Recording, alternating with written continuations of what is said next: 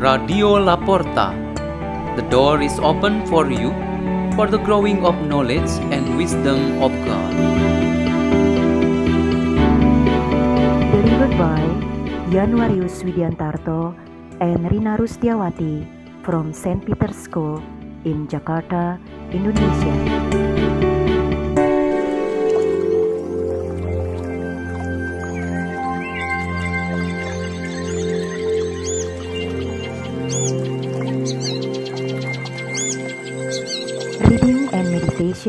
On the Word of God on Monday of the sixth week in Ordinary Time, February the 15th, 2021.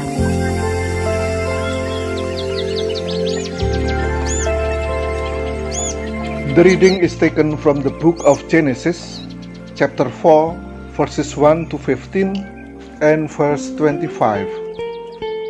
Adam had relations with his wife Eve, and she conceived and bore Cain, saying, I have produced a man with the help of the Lord. Next, she bore his brother Abel. Abel became a keeper of flocks, and Cain a tiller of the soil. In the course of time, Cain brought an offering to the Lord from the fruit of the soil, while Abel, for his part, brought one of the best firstlings of his flock. The Lord looked with favor on Abel and his offering, but on Cain and his offering he did not. Cain greatly resented this and was crestfallen. So the Lord said to Cain, Why are you so resentful and crestfallen? If you do well, you can hold up your head, but if not, sin is a demon lurking at the door.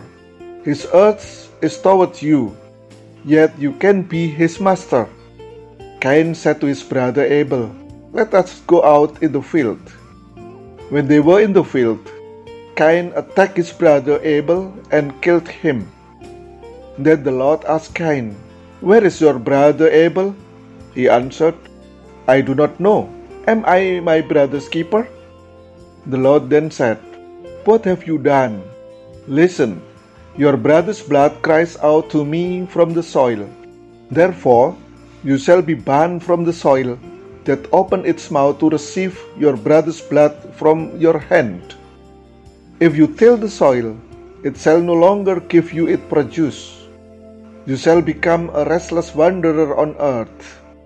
Cain said to the Lord, My punishment is too great to bear, since you have now banished me from the soil, and I must avoid your presence, and become a restless wanderer on earth.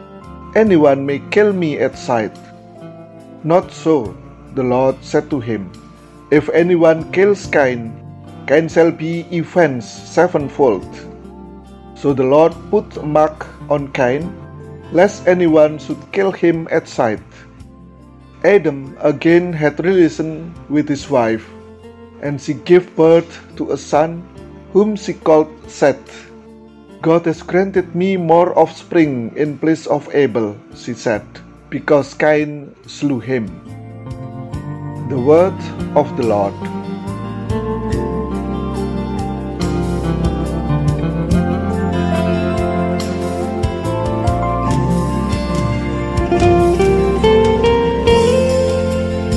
Our meditation today has the theme Diverse Murder.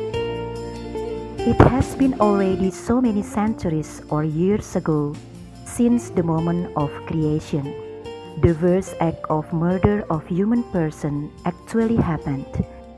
The murder took place between two brothers in the family, one named Cain and the other Abel. According to the book of Genesis, Cain was angry, jealous, full with hatred, and hurt because God was so pleasing the offering of his brother Abel, whereas his own offering was not accepted by God. So, the worst killing in the life of human beings did occur in the family. The worst murder was caused by anger, hurt, hatred in a person who knew that his brother was better than himself.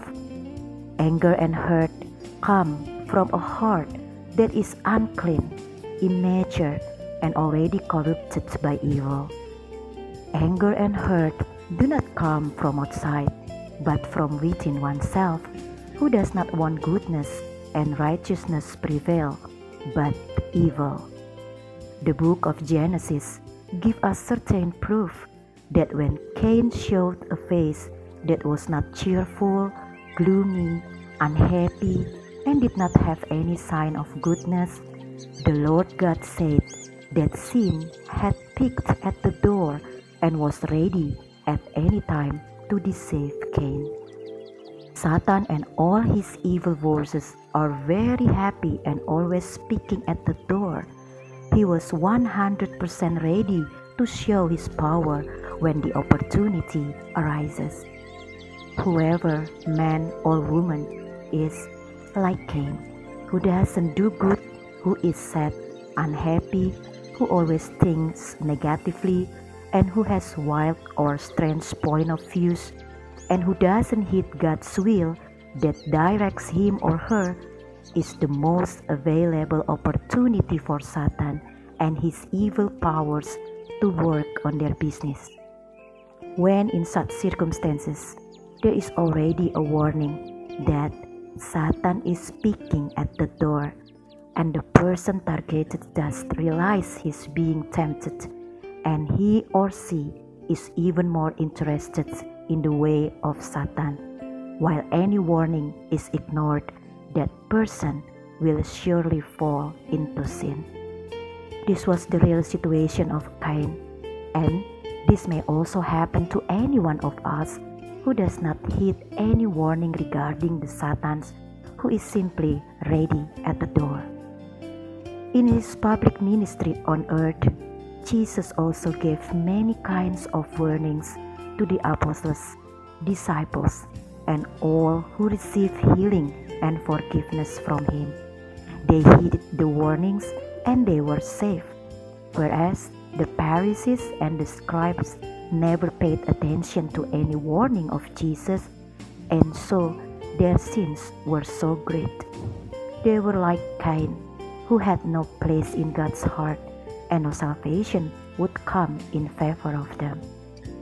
Today, we are really truly reminded that such murder continues to happen today that really harms and kills any person's life. We must stop it right now even though Satan is always picking at the door, but we must be strong and must not give him any chance. Let's pray. In the name of the Father, and of the Son, and of the Holy Spirit. O Lord, may we always heed your commands and warnings at all times and do our best to overcome Satan's temptation. Glory be to the Father, and to the Son, and to the Holy Spirit, as it was in the beginning, is now, and ever shall be, word without end. In the name of the Father, and of the Son, and of the Holy Spirit. Amen. Radio La Porta. The door is open for you.